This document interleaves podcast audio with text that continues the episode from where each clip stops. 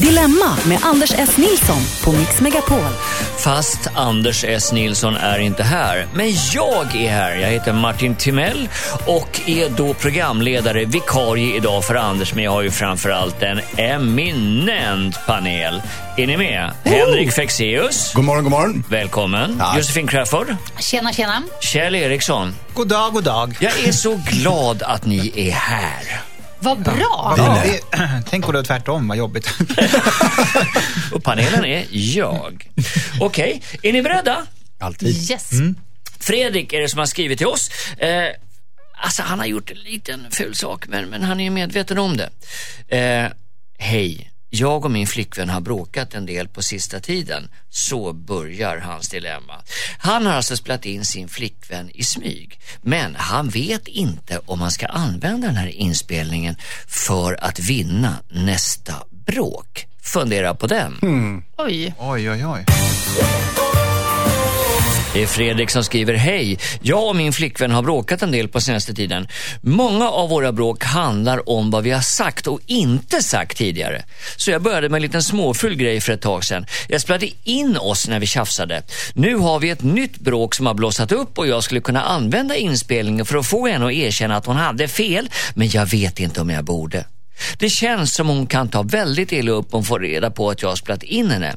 Jag tycker att det är väldigt jobbigt att tjafsa om saker när jag vet att jag har rätt. Kan jag visa upp inspelningen från min flickvän och avsluta det här bråket utan att relationen helt går åt skogen? Kjell. Ja, har ni sett det Uppdrag granskning, den typen när man spelat in någon i smyg och sen så visar de det på en liten videoskärm och när liksom politikern säger, det där är inte jag. Men det är ju du. Nej, nej, nej, nej, nej, jag har inte sagt sådär, ja, det är omöjligt.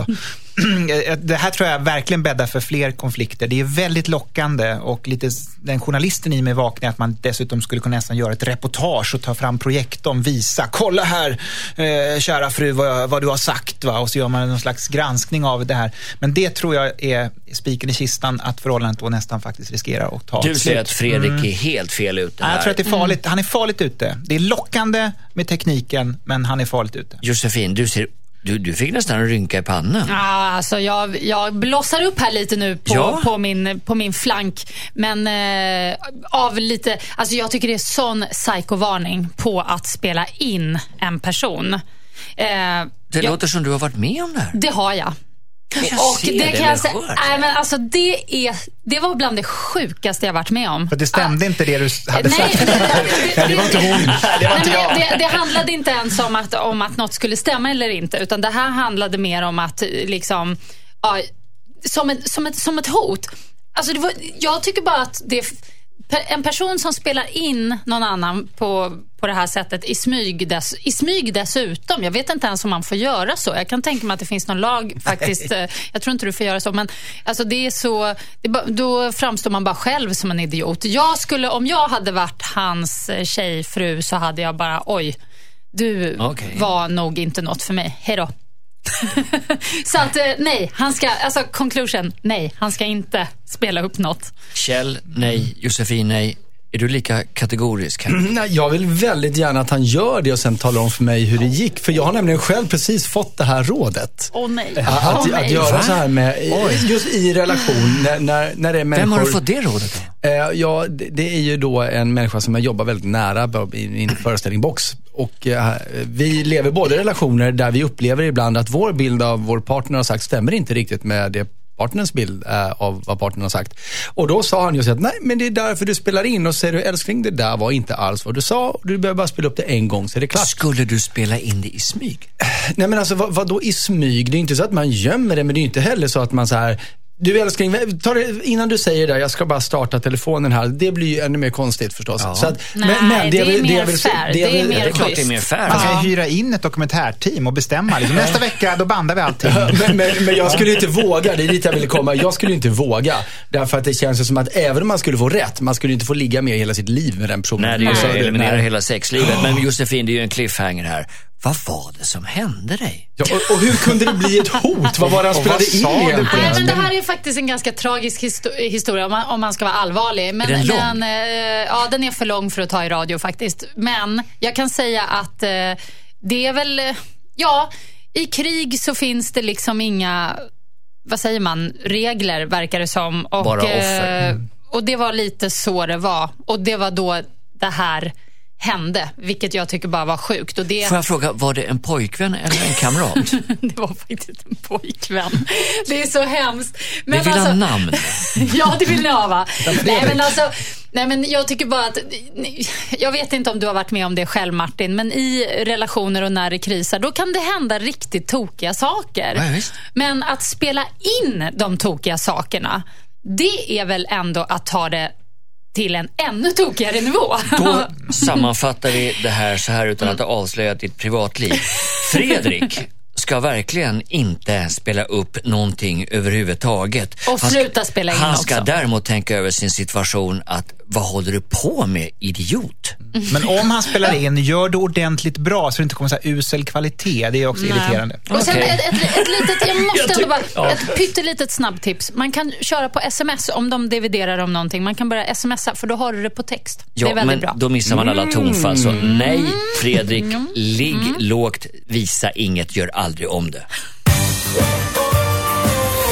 Här känner jag mig väldigt, väldigt deltagande.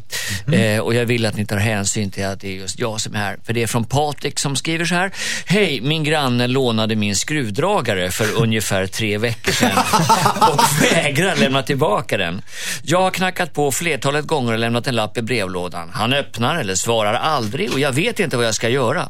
Jag hör jag hör honom vara hemma ibland. Det verkar helt enkelt bara vara så att han undviker mig. Har ni några förslag på hur jag ska få, till, hur jag ska få tillbaka min skruvdragare? Jag börjar tröttna rejält och funderar på att lägga en lapp där jag hotar med polisanmälan. Men det känns lite överdrivet. Borde jag hota min granne med en anmälan kanske eftersom jag verkligen behöver min skruvdragare? Henrik Fexeus, Ja. ta oss ur detta verktygsdebacle. Jag tycker så här att nu, nu finns det ju skruvdragare och skruvdragare förstås. Det här Ja, ja. kanske var en magnifik pjäs för tusentals kronor. Men om det inte var så, så tänker jag att eh, du får nog försaka den där skruvdragaren och tänka att det var priset du fick betala för att få reda på var du har din granne. Och eh, så eh, går du till en verktygsbutik och skaffar dig en ny skruvdragare och sen så behöver du inte umgås med din granne mer. Tänker jag.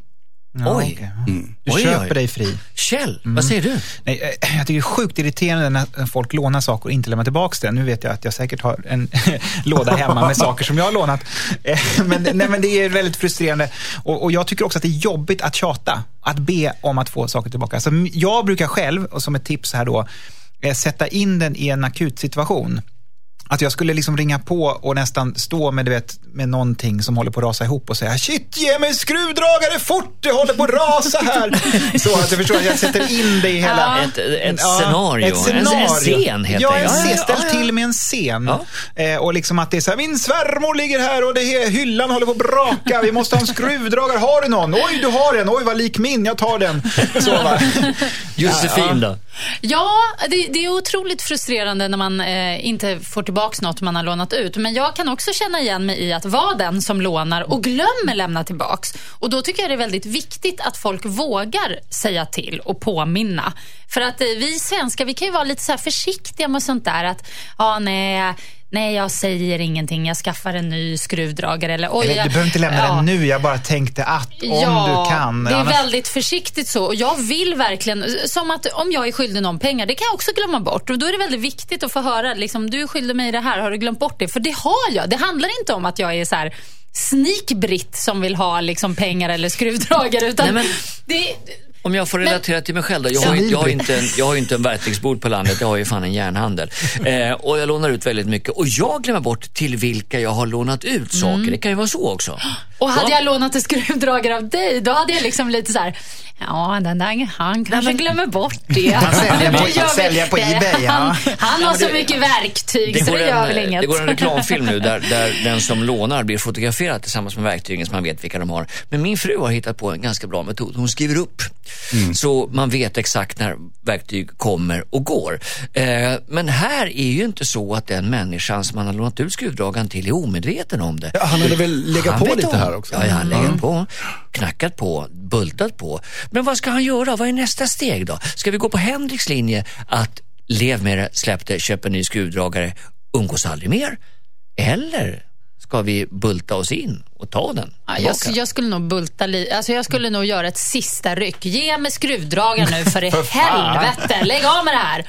Och om det då, om han fortsatte att vägra och det blir handgemäng eller någonting, då får man väl till Man kan ju slut inte bara slåss över Nej, skruvdragaren. men jag vet. Jag vet. Ja, Henrik. Jo, men han kan, han kan anti, två olika vägar att gå. Antingen så begår han direkt åverkan på typ sin grannes dörr, eller kommer med en fin present. Men poängen är att, att det ska uppstå en situation som hade varit fin och bra och härlig om han hade haft en skruvdragare till hands. Men nu har han inte det för hans granne har stulit den och så är det hans granne som råkar ut för det. Så att dörren faller ihop, eller den här fina presenten han har byggt, den faller i småbitar för att han hade ingen skruvdragare. Alltså du ska alltid gå så här omvägar. Vad är det med dig? Jag Svenne lite- Banan-Henrik alltså. Jag har lite för mycket tid kanske. Gå rakt på sig. Vad är min skruvdragare? Få hit den. Jag har men det är tio mycket- sekunder på det. Han spränger har i ju, huset. det har ju redan sagt ju. Han har ju redan sagt det. Det är på, det händer ju inget. Ja, det händer ingenting. Skruva igen hans hyttedörr. Men Med, vadå? med en annan. Nej, Som spika! Spika då. Ja, jag Ta, tänkte ta en hammare och spik. Jag Ja, tänkte ifall man kan köpa en ny och ge till honom så man får tillbaka sin, men nu är risken att grannen bara, åh, jag har två. Vadå, ska han få belöning för att... Nej, nej, nej, nej. nej. det går inte. Det här tror jag är ett betydligt vanligare problem än, än vi kanske kan tro. Lånade saker som inte återlämnas. Men en rak kommunikation är vad ni förordar. Ja. Ja. Och, och Det är jobbigt folk som ta... skriver upp, för det är alltid när man lånar någonting och så man bara, åh kan inte jag bara låna en skruvmejsel lite snabbt? Vänta, jag ska hämta papper och penna, jag ska skriva upp. Alltså, precis. Ja, det blir Papper oerhört och penna för en liten provocerande. skruvmejsel. Härmade du just nu Martins fru? Nej, jag, jag Ja, kände att, jag jag kände kanske att tolkade så jag kände, ja. shit vad gjorde jag nu? Det här var inget bra alls. Vad vi talar om här är riktiga kapitalvaror som försvinner och inte någon skruvmejsel. Ja, det kommer från Marie som egentligen heter något annat. Men låt oss kalla henne Marie därför att om man mejlar in så får man givetvis vara anonym. Hon skriver så här. Hej, för ungefär ett halvår sedan så träffade jag mina drömmars man. Problemet var att vi båda var gifta, men vi tog tjuren vid hornen och sa till våra respektive att vi ville skiljas. Vi utelämnade dock att vi båda har träffat nya. Jag och min man flyttade isär, men han tror fortfarande att vi ska hitta tillbaka till varandra. Min nya partner bor tillfälligt hos en släkting eftersom hans före detta bor kvar hos barnen. Det jobbiga är att hon, den för, hans före detta alltså, tvingar honom att komma hem till henne varje dag efter jobbet för att ta hand om hemmet och natta barnen fram till klockan 21. Han sätter inte ner foten och jag kan inte säga ifrån eftersom det handlar om hans barn. Jag vet inte vad jag ska göra. Jag vill ju också ha tid med honom, men jag tvivlar inte på att, och jag tvivlar inte på att han vill vara med mig. Problemet är att han låter sin, sitt ex bestämma allt. Kan jag kräva att han säger ifrån och spenderar tid med mig istället för med sitt ex och deras barn? Oh, Henrik. Ja du, tack. Oh. Eh, nej men alltså så här, jag, jag förstår inte, okej, eller jag tar tillbaka, jag kan förstå varför de inte har, eh, har sagt någonting. Men, men nu är det ju verkligen läge för de båda två att säga, du, det är så här, jag har, jag har träffat en annan. Eh, därför det, det kommer ju lösa väldigt mång, mycket av den här problematiken som nu uppstått, tror jag. Både på hennes sida och hans sida. Så, Men, men eh, jag tror att de förstår att de har träffat någon annan men ändå hoppas på en, en eh, reunion. Ja, fast jag, jag tyckte det lät som att hennes man där, han hoppades ju på att de skulle hitta tillbaka. Och det var ju också i kraft av att han trodde att hon inte hade gått vidare. Men hon har ju redan gått vidare. Och det har ju även den här mannen med barnen då, det blir lite rörigt här. Ja, det men- finns en del oklara Ja, parametrar. men, Ja. Så, så min poäng är att om, om, om de både är tydliga mot de som de nu har skilts åt att jag har gått vidare, så tror jag att då kommer hennes man liksom lägga ner och då kommer det här exet få en helt annan syn på vad hon önskar att, att, eh, med nattning och så vidare. Vad, vad du kommer fram till här alltså är kapitel 1a i skilsmässoboken, så här gör man. Ja, jag vet inte om det är det, men, men, men jag tycker nog att, att eh, säg det, vi har gått vidare. Eh, Det tror, jag, det tror jag men- skulle lösa väldigt mycket av det här. Men jag tolkar, det här, så, jo, men jag Varsågod. tolkar det här som att den här skilsmässan som de har gjort på vardera håll har skett i någon slags liksom, eh, samförstånd med dem, så att de har liksom på lika villkor. Du, nu skiljer du dig och jag skiljer mig och så är det liksom tillsammans har vi skilt oss och så ska vi bilda någonting nytt. Ja. Eh, eh, och då, då är de liksom eh, jämställda på det sättet och därför tycker jag de kan ställa krav. Då kan de fortsätta att ställa krav tillsammans. Det är värre om den ena är gift och den andra inte är gift och så, så, så ställer den ena kravet så här, du måste skilja dig. Då blir det liksom obalans. Men här är någon slags balans från början som de kan fortsätta med och då tycker jag de faktiskt kan ställa krav här att Jag- nu jag- får vi bygga livet. Jag ska klargöra lite här, för, för Henrik, du hade delvis rätt. Det står så här, vi utelämnade dock att vi båda har träffat nya. Det gjorde man vid själva skilsmässotillfället och då är frågan, är, är de medvetna om att de har hittat nya nu? Det vet vi alltså Nej, det inte. vet jag inte. Men alltså jag, jag måste säga en sak här. Eh, jag, jag tycker ju att det första man verkligen ska se till att göra när man eh, separerar för att båda parter ska förstå att man separerar. För ofta är det så att även om två personer gör slut och är överens om att göra slut så är det väldigt ofta så att en någonstans inte riktigt det går inte in. De tror inte riktigt på det och hoppas på att man ska bli ihop igen. Och, så kanske den ena går runt då hemma i deras gemensamma lägenhet och bara, ja vi är inte ihop längre. Men den, den andra tänker att vi har bara en fnurra på tråden. Vi kommer visst fortsätta. Så väldigt, väldigt viktigt är att lösa praktiska saker. Som det här med nattning med barnen och att han ska hem dit till exet. Det är bara skitprat. Det är dumt. Nej, det kanske, det kanske är så, men det är väldigt dumt att han går med på det. Det är mycket bättre om han och den nya skaffar något eget, att de är tydliga med sina ex, att vi har hittat, vi, vi, vi är ja, Men- ihop men- med någon annan. Och, Men det här, om det är barn inblandat, då kan Mm. det liksom bli ett gisslandrama. Gisslandrama? Ja, därför att det går inte att säga emot, jag måste ta hand om mina barn. Nej, fast då kan ju barnen komma till dem i så fall. Det tycker jag, man, man kan ju inte Ja, men om de nu ska bo hos mamman då och behöver sin pappas nattning, vad säger man då? Men Varför kan inte barnen sova hos honom? Och hos dem? Jag förtäljer inte historien, jag, försöker bara hitta en nej, jag förlåtande parameter. Ja, nej, jag tycker, Men, jag, eh, jag tycker man får, ändra, man får Ja. ändra rutinen. Även barn får ändra eh, lite rutin i ett sånt här läge. Tror jag. jag tror att det är viktigt för hans ex också, för att förstå till slut. För jag tror exet, den här kvinnan, alltså mamman till barnen, eh, hon går ju runt och hoppas på något och tror kanske i sin stilla ensamhet och då är att det det ska bli taskigt att dem låta igen. henne hoppas. Ja. Henrik, Jo, men jag tänker frågeställningen är ju... Sen. Ja, frågeställningen i brevet är, är ju eh, börja ställa krav på honom. Och, det, eh, och, det, och det är det jag menar, att jag tror mycket av den kravbilden kommer försvinna om de båda är tydliga mot, mot sina eh, före detta nu att, att vi har hittat ny och gått vidare. Så jag vill dra fram den poängen igen. Jag tror att den här problematiken försvinner då. Jag för- tror också som Josefin att mamman går runt där och hoppas lite och, och så vidare. Men det, det kommer inte vara så då. Nej, Grejen är så här, va? Det här, man får tänka, köper man en, begagnad bil på Blocket så får man lite rost på köpet. Och här är det begagnade produkter som vi pratar om. Och då är det inte helt, det är ingen nybilsgaranti kvar. Och då får man räkna med sådana här saker, så kanske måste de acceptera också att han måste hem och natta barnen. Precis som att en, en bil är lite sämre om man köper en begagnad. Ja, ja, jag Om man nu vet tycker att det är sämre, förstår jag jag vet inte riktigt om, om Marie blir klokare över hans svar, men jag fick i alla fall olika infallsvinklar på problematiken. Men rakhet i kommunikationen är det som ni förordar. Ja. ja, det kan man säga.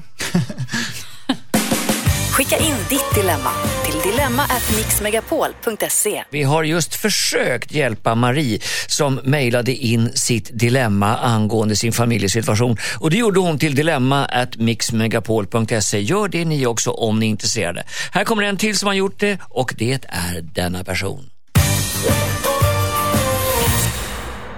Eva. Hej, skriver hon. Min man har sagt att han ser fram emot att berätta om alla sina misstag han gjorde när han var yngre och det ska han göra för våra barn. Vi har tvillingar som är 17 år gamla och min man har någon slags idé om deras 18-årsdag. Då ska han sitta och dricka öl med våra söner och berätta för dem när han rökte hasch och gick på strippklubb i sina unga dagar. Jag är väldigt kritisk mot det här och förstår inte, sluta skratta Kjell, eh, förstår inte varför han, en 50-årig man, så gärna vill berätta för sina tonåriga söner om misstag som han har gjort under sitt tidigare liv. Jag tror att han kommer att avdramatisera en dålig livsstil och att det dessutom kommer ge våra söner en sämre bild av sin pappa. Dessutom så är de ju fortfarande väldigt påverkbara även om de har fyllt 18 år. Är det här normalt? Borde jag låta min man ha en grabbkväll och berätta för sina söner om att han har rökt hasch och åt på strippklubb? Och han kommer få ett sånt bakslag om han gör det här. För det som kommer hända när han gör det här är, hörru barn, nu ska jag berätta, pappa rökte på och allting. Då kommer barnen säga, ja det gör vi också. och då kommer det komma fram att barnen, det är ju oftast i samma, det, det är ju samma DNA va. Så att jag tror... så att det är samma skrot och korn. Och då kommer han få en smäll av det där tror jag, så att han kommer ångra sig. Ja. Eh, Gör Okej. det gärna, men han kommer ångra sig för han kommer Ja, få han panik. kommer ångra ja, sig. Han kommer få höra så mycket från de här 17-åringarna. Josefin? Ja, nej, jag tycker det, det, låter så här... Det låter lite gubbigt och töntigt på något sätt, men jag, det kan vara något slags pappafenomen, för det här är också någonting jag faktiskt känner igen.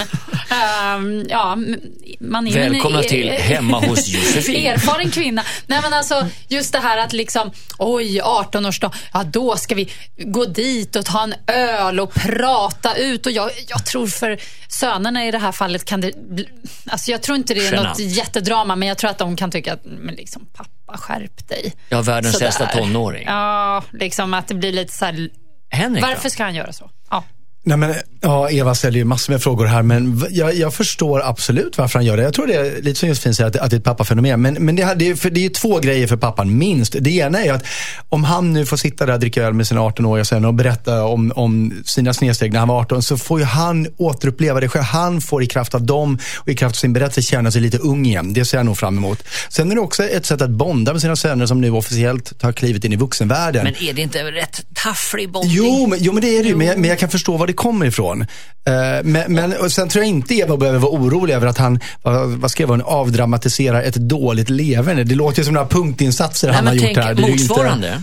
Nu ska han berätta då att han har eh, slagit på en holk och gått på strippklubb. Tänk Mm. om mamma skulle sätta sig med sina 18-åriga söner och säga att hon minsann också har rökt hasch och jobbat på en strippklubb. Ja, eller med sina 18-åriga döttrar. Ja. Ja. Nej, Jag tycker, det är, jag tycker om man inte vill att ens barn ska gå på strippklubb och röka hasch, då kanske man inte ska liksom prata om det. Jag tycker, Nej, men- Då kan man faktiskt utelämna det. Det kan man kanske ta sen längre fram när barnen ha- har ja, fått leva och vara vuxna i några år till Men i är alla det fall. inte lite patetiskt med föräldrar som försöker vara kompisar med sina Jo, barn istället jo. för det kan, föräldrar? man, det, lite det kan faktiskt vara det. Jag, jag skulle nog aldrig göra så i alla fall. Särskilt att försöka vara, för sen kan man ju bli det äldre, när man blir äldre sen så kan man ju bli lite mer på en slags kompisnivå. Ja, men och då kan men man det är en annan grej, det växer fram grejer. automatiskt men inte det här påtvingande blir så Nej, det konstigt. kan komma som en chock också. Ja. Kanske Ja, för och- kidsen.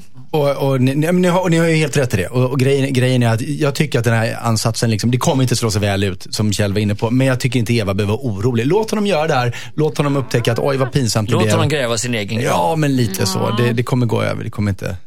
Det, det, låter, det låter som du tycker att Eva ska behandla sin man som en betydligt yngre barn än sina Ja, i- 18-åriga Ja, i det söner. här fallet får hon nog ha lite överseende bara. Det, det är en grej han har fått för sig kommer vara kul och bra att göra. Det kommer inte vara det. Vi vet och så så- märker han det. väldigt lite om de här barnen också, vilken moral de har. Vi har ingen aning va?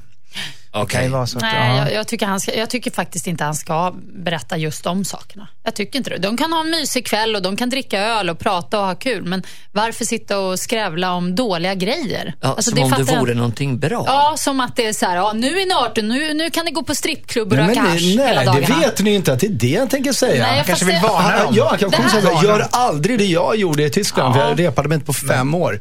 Alltså, det, är så, det är som att farsan har något behov av att säga de här grejerna. Ja, det låter som man gör det för sin skull och inte för barnens. mm, lite så. ja, men det gör han ju. Ja, då har vi löst det.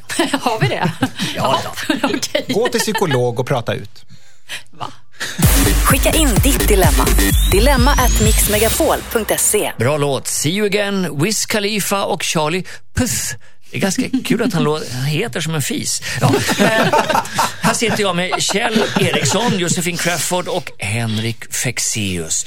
Och eh, vi ska prata om någonting som, som eh, jag har lite erfarenhet av, nämligen det är Petter som har av sig. Han vet inte om han borde avslöja för sina grannar att de är på väg att få sig en porrig överraskning. Hej, det är Petter som skriver. Jag och min tjej blev inbjudna av våra grannar för att titta på film. Vi hade en väldigt trevlig kväll tills de satte på en porrfilm. Vi blev väldigt illa till mods, hittade på en bortförklaring och gick därifrån.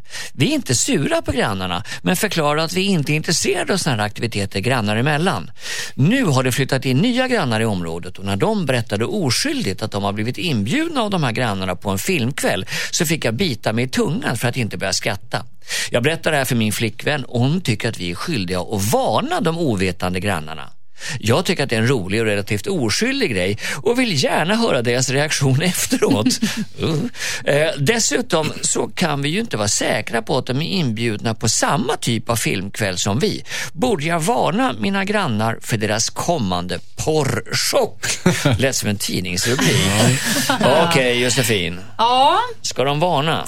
Jag sitter och funderar här. Jag tänker att å ena sidan så kan man ju inte heller vara säker på att de blir lika, alltså de nya grannarna blir lika illa berörda. De kanske bara wow, ja, vad härligt och, och går igång. Så att på det viset så kan det ju kanske vara Ja, då kanske det är lite fräckt att varna. Å andra sidan så kanske det är bra att varna i vilket fall som helst. Eh, för om de då är sugna, ja då är de ju lite preppade på det. Men då å andra sidan kan de ju bli besvikna om ingen porrfilm dyker upp. Så att det här är ju... Ja, det, det är... Mm, det, det, ja, det är svårt. Ska vi, ska vi, jo, jag tycker... Kanske en liten hint. En liten ja, hint. hint. En liten hint. En liten hint. In, inte liksom en lång utläggning om vad som hände dem, utan bara så, här, bara så att ni vet att det, de det kan dyka upp någonting, en Min överraskning. bror som eh, sitter här på vardagsmorgnar, han var och spelade golf i Thailand och eh, då gick han i samma boll som ett par och frågade om inte, jo men bor inte du i närheten av den ö som vi bor på? Jo då, men det är min bror som bor på den ön. Ja, där har vi varit på många swingerspartyn. och min bror kommer inte ihåg vem de sa att de hade varit hos. Det där alltså, är lite knepigt. ja. Men, men Henrik, vad säger du då? Ska de? Nej, nej, nej, nej. De, de ska inte säga någonting. Nej, därför att Nähä.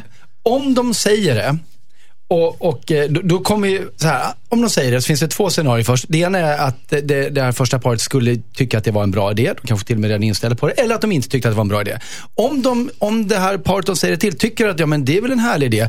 Då kommer de istället tycka att vår brevskrivare är konstig. Så, Men varför påpekar du det som någonting konstigt? Det är ju därför vi går dit. Så då skär sig den relationen. Men om de inte tycker att det är en bra idé med porrfilm, då kommer de istället nu sitta hela den här filmkvällen och undra när kommer porrfilmen och då sabba stämningen för resten av kvällen. Sen kan vi då ponera att porrfilmen kanske inte kommer den här gången. Då kommer de gå tillbaka till vår brevskrivare och säga, du, du pratar om det här med porrfilm, är du inte klok i huvudet? De är ju inte sådana. Så att det enda han riskerar här i alla möjliga tänkbara scenarier, det är att skära relationen med den här nya grannen.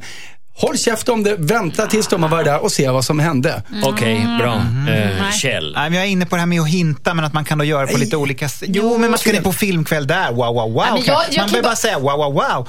Eh, Ja, jo, ja, jo, ja, faktiskt. exakt. faktiskt. Wow, wow, wow. Eller, oj, oj, oj då. Varför? Ja. Oj, eller Nej, oj, varför? Jo, för att man vill veta en sån sak. Det kan, bli en, det kan faktiskt bli en ganska obehaglig överraskning ju. Ja, Om men man- om de då tänker att ja, en vuxenfilm, det är väl... eh, Ja, och då om man är förberedd på det, då är, ju det, då är det fine. Då, jag menar, om någon Man hintar om det... Så, ändra klädval.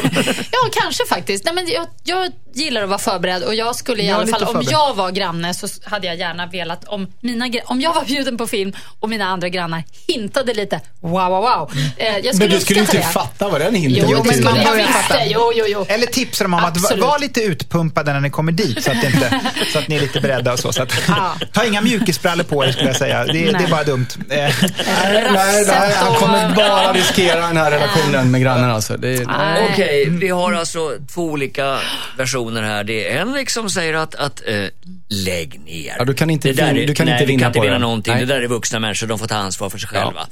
Och så har vi då Josefin och Kjell som säger, nej men hinta. Men det låter lite grann som ni tycker så för att ni tycker att det vore rätt kul att hinta. Ja, det är Ja, kul. jag det är skulle kul. hinta. Jag skulle alltså, om, hinta. ja, ju- absolut. Om mina grannar, om jag hade blivit inbjuden och mina grannar kom och skulle bli inbjudna på film och jag visste om det, jag hade mer än hintat. Och då skulle jag säga, om eh, nu eh, Petter hade beslutsångest innan så... Glasklart. Det är glasklart, han har det fortfarande. Det är en person som vill vara anonym, men vi kallar honom Adam. Han skriver så här, hej, jag gav mitt ex en väldigt dyr present nyligen. Och sen dumpade hon mig några veckor senare. Nu är jag väldigt bitter över att den här presenten, det vill säga tanken har till och med slagit mig att hon kanske väntade med att göra slut till efter hennes födelsedag. Det var ett avancerat köksredskap och tanken var att vi skulle använda det tillsammans. Jag tycker det känns värdelöst i alla fall att ha slängt iväg flera tusen kronor på en grej som jag hade velat ha. Nu undrar jag om det är okej att kräva tillbaka min present av mitt ex eller kommer det att förstöra vår relation för alltid? Här känner jag att Kjell vill börja. jag vill börja. Eh, nej, men här, om man ska vara lite så diplomatisk så kan man ju faktiskt säga så här, hörru du, nu är det slut och så. Du, jag köpte ju den här. Jag vet inte vad det är, men det måste vara någon stor köksmaskin. Ja, en stor eller? köksmaskin, en flera tusen kronor. Ja, den här stora köksmaskinen, den här fiskpins, fi, vad heter det, fiskpinsapparaten. Eller vad kan det vara? Kanske inte det. Nej, hamburgergrillen. Kan, skulle inte jag, behöver du den verkligen? Så skulle man kunna uttrycka det. Behöver du den? Ja, för då kan, det- det kan ju vara så att hon säger så att ja den där stora fula smörgåsgrillen eller vad det nu var för någonting. Ta den för fasen, ta tillbaka den och då får man ju den. Det trodde jag aldrig att någon av er skulle säga. Jag trodde inte det, Intressant. nej. Josefin då? Mm. Nej, det, det där lät ju fantastiskt. De kanske redan har en så pass god relation så att de kan prata så. Nu tror ju inte jag det riktigt, utan eh, jag tänker mig att det är lite mer normalt, att det är lite så här jobbigt direkt efter eh, att det är slut. Och jag tror dessvärre att han måste leva med att det blev så här. Och bara släppa det. Okej. Ja, det tror jag. För att annars, annars kommer han framstå som så här äh, girig och jobbig om han ska kräva tillbaks någon grej. Alltså hålla på och tjafsa om saker på det där sättet. Ja, Det, fått det, det är fått lite, heter det är lite. Ja, fått i fått, Fått. hittat i hittat. Det är lite lågt. Eh, Han kommer framstå som lite löjlig. Hon kommer garva med sina kompisar eh, kring det här och så. Han kommer, ja, bara så att han vet det, om han nu ska hålla på och Det kräva tillbaks. krig om grejen också, va? Att, de, att de blir som en symbol. Så att hon kanske vänder och tänker, den här hade jag tänkt att, att ge tillbaka, men det blir tvärtom istället. Den ska jag ha! Ja, Mm, det eller, eller så blir det så här, men gud, ja, ta den du. Och sen så bara, ha, Jesus, ha. vilken fjantur jag gjorde slut med honom. Mm. Henrik. Ja, jag känner lite att det är kanske hans fel lite grann här också. Därför att om han har valt att vara tillsammans med en människa som han kan på fullaste allvar misstänka väntar med att bryta upp en relation tills efter sin födelsedag.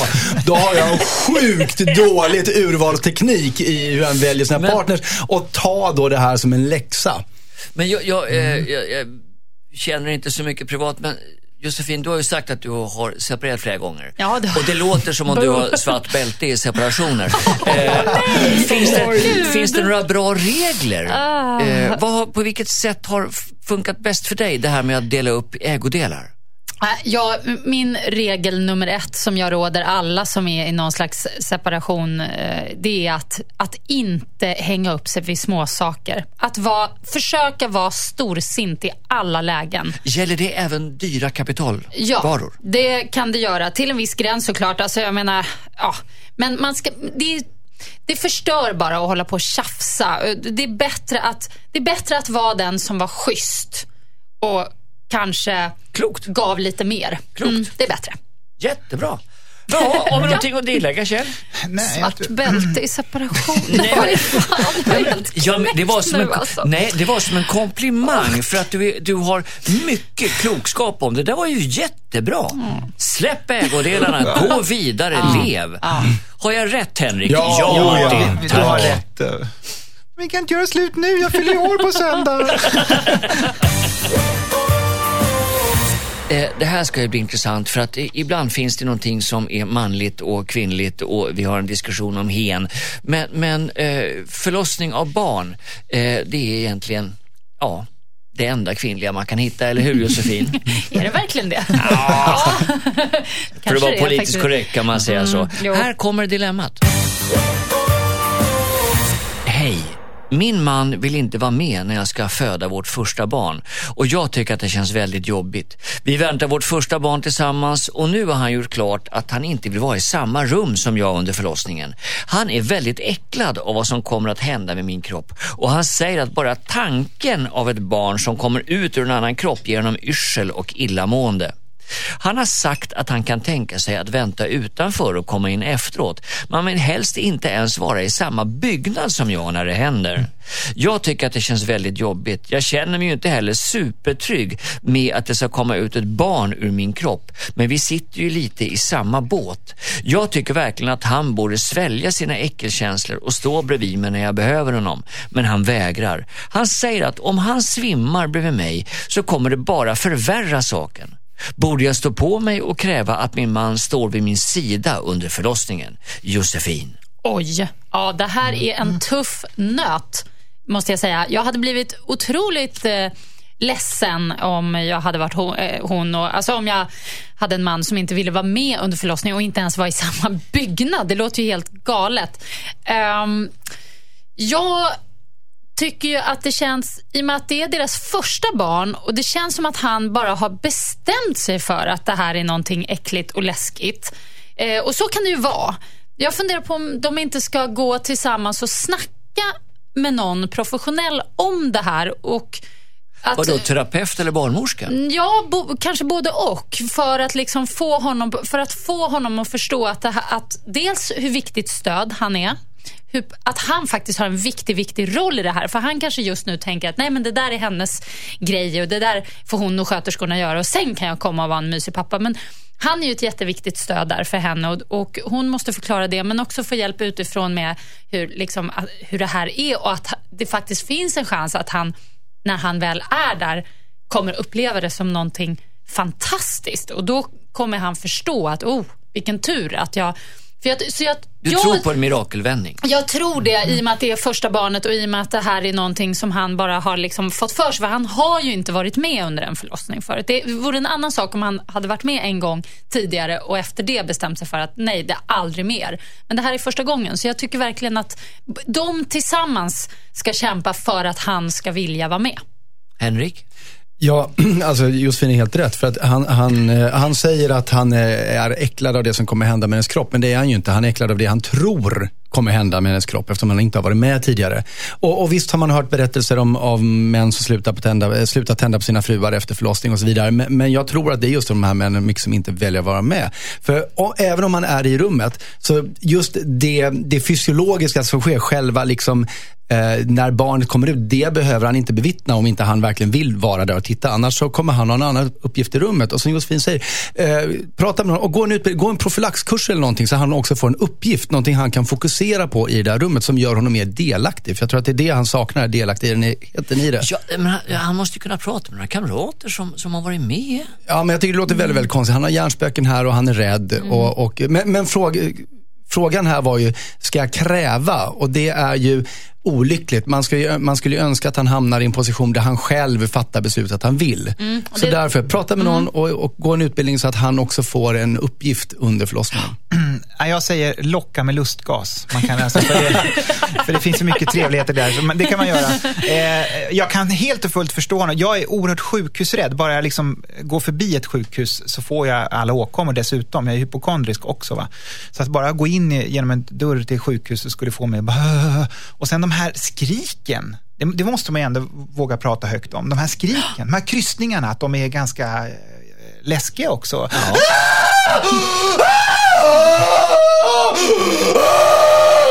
För det, det, är ju sanningen av en förlossning. Men jag tänker, kan man kanske ladda ja, ner det, en förlossning? Det, det, finns en mirakeldel i det här också. Det är som något positivt. Ja. Men, men, Kjell, men kan man ladda ner en förlossning och öva lite innan? Nej, men Kjell, här, om, om Josefin hade sig, brutit benet eller någonting, eller, eller blödde ymnigt och, ja. och, och, ni var utanför SÖS någonstans. Du skulle inte ha något problem att gå in på, på, på sjukhuset med henne då för att hjälpa henne, eller hur? Tror du? Eller? Nej, men jag ställer, Josefin har det, åh herregud. Oh, jag ställer frågan. Eh, om jag försöker på mig en liten amatörmässig eh, sammanfattning så blir det så. Eh, utbilda dig, tala med någon som har varit med, alternativt gå på lustgasen. Ja, gå, gå direkt på lustgasen och bara wow. Dagens sista dilemma kommer från Kai. Ja, det är väl det enda som jag kan beröras av idag skulle jag säga. Hej, jag är strax över 50 år gammal och jag och min fru har bra ekonomi. Det är så pass bra att vi skulle kunna gå i pension väldigt snart och jag mår dåligt av den tanken. Min fru är väldigt inställd på att vi vilket år som helst nu ska sälja vårt företag och sluta jobba. Jag vill verkligen inte sluta jobba. Jag är nöjd med att ha en lång härlig semester varje år men jag kommer att klättra på väggarna om jag inte har mitt jobb att göra om dagarna. Det här är något som jag har kommit till insikt om under de senaste åren och jag har inte tagit upp det här med min fru. Tidigare så hade vi alltid planerat om och pratat om hur härligt det skulle vara att vara lediga och resa runt i Sverige när vi blir ungefär 55 år gamla. Nu börjar det närma sig och jag mår väldigt dåligt över det här. Jag är ganska säker på att min fru kommer bli förkrossad om jag säger att jag vill fortsätta arbeta på obestämd tid. Hon pratar varje vecka om hur härligt det kommer att vara när vi går i pension. Jag vet inte vad jag ska göra. Borde jag släppa bomben och hoppas på det bästa eller ska jag avvakta? Vem vill börja? Nej, jag kan, Henrik. jag, Ja, Ja, ja, ja, det gäller. ja, Kjell Eriksson Ja, börjar. jag, nej, men jag är inne på det här att, att han kan ju, jag tror att det här är vanligt alltså att folk inte vill sluta jobba när de väl kommer dit. Eh, fast man kanske, kanske i, i unga år tänker, gud vad skönt att slippa jobba. Så. Men när, man, när det blir en sån brytpunkt så blir det lite ångest. Eh, men jag tänker, passa på, men fyll tiden då, skapa lite hobbys och lite grejer. Fyll tiden med någonting annat som är som ett jobb. Det, det är många i föreningslivet som gör det. Så vet, man kan ha folk som går med i föreningar och blir helt tokiga och lever upp i det där lite för mycket ibland. Men ehm, det tror jag är en väg att gå. Alltså det, för alla har ju någon dröm och hobby som man kan liksom göra så att det blir som ett halvt jobb. En, en sysselsättning Ja, en sysselsättning, va? ja, att fylla sys- eh, någon annan sysselsättning. Josefin, Alltså skaffa en hobby eller någonting. Ja, nej, kommer, nej. kommer du att eh, sluta jobba vid 55 eller 65 eller 75? Alltså jag älskar ju att vara ledig. Jag tycker det är helt underbart. Jag skulle vilja översköljas av pengar bara för att jag existerar. Det vore inte mer än lätt. Men skulle du verkligen vilja vara ledig på heltid? Nej, alltså faktum är att jag, jag tycker att det är så kul att jobba när det är kul att jobba. Sen är det jobbigt ibland att jobba, men det är också jobbigt att vara ledig ibland. Eh, har man ju känt. Så att, eh, ja, det här, jag vet inte vad du kan få ut av det här konstiga svaret som jag sa. Nej, men jag, jag, jag känner nog att jag, jag är bra på att vara ledig. Jag, alltså jag är väldigt bra på att vara ledig. Men skulle du vara lika bra på att vara ledig om du inte jobbade? Eh, alltså, men det beror ju så mycket på. Alltså om jag skulle jobba i en sillfabrik och packa sillburkar, liksom, alltså, då kanske det inte skulle vara så kul. Men det jobbet jag har som programledare, det tycker jag är skitkul. Det vill jag göra tills jag är 120. Det är en ynnest, okej. Ja, så Ja, det, då- är, det, är lite, det är lite så. Henrik då? Jo, men jag tänker så här att... Eh, de Men har, nu fick inte jag säga vad jag tyckte att... men säg det först då. säg det jag, nu jag, kan då, ja. vänta. Jag kan vänta.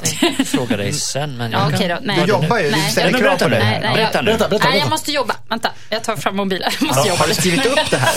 Nej, hon har spelat in. Jag behöver ge sagt nu. Okej, det här är 20 sekunder vi aldrig får tillbaka. Eh, Henrik så länge Ja, då. hej och välkommen. Nej, men eh, jag tänker så här att de har ju varit gifta ett tag. Om hon inte helt så här, har skygglapparna på från omvärlden så har ju hans fru märkt att han älskar eh, sitt jobb. Det, det måste vara uppenbart vid det här laget för henne, tänker jag. Och an, antingen är hon helt blind mot det och, och bara, för jag tänker på just det här när hon tjatar varje vecka, eller tjatar, Du men tror att hon tjatar därför att hon ser det? Nej, men jag tänker att ja, för att hon, hon vill ge honom öppningen här att, att tala om hur det är. Och det är därför hon pushar honom nu och Oh, vilken pratar om den här tolkning. ledigheten. Om det inte är så att hon är helt världsfrånvänd och, och, bara, och bara ser till sig själv, men då har hon ju ett annat problem i sin relation.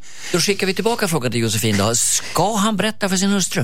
Eh, ja, det ska han och jag tycker absolut att han faktiskt ska fortsätta jobba. För om det är det han vill och de, ah, det är liksom, de har ett företag som han vill fortsätta. De, liksom, hon kanske kan vara lite mer ledig. Men han kanske vill jobba vidare och då får han väl göra Ja, men det. hon Så- ser ju så mycket fram emot deras Jo, men hon- gemensamma saker de ska göra. men då tycker jag att det, det, det är det Ja, där gamla vanliga med, med förhållanden när det blir att man liksom bara för att man är ihop så kan man ställa massa krav på, på varandra. Det tycker inte jag är okej. Utan då får hon kanske göra vissa resor eller saker med, med kompisar.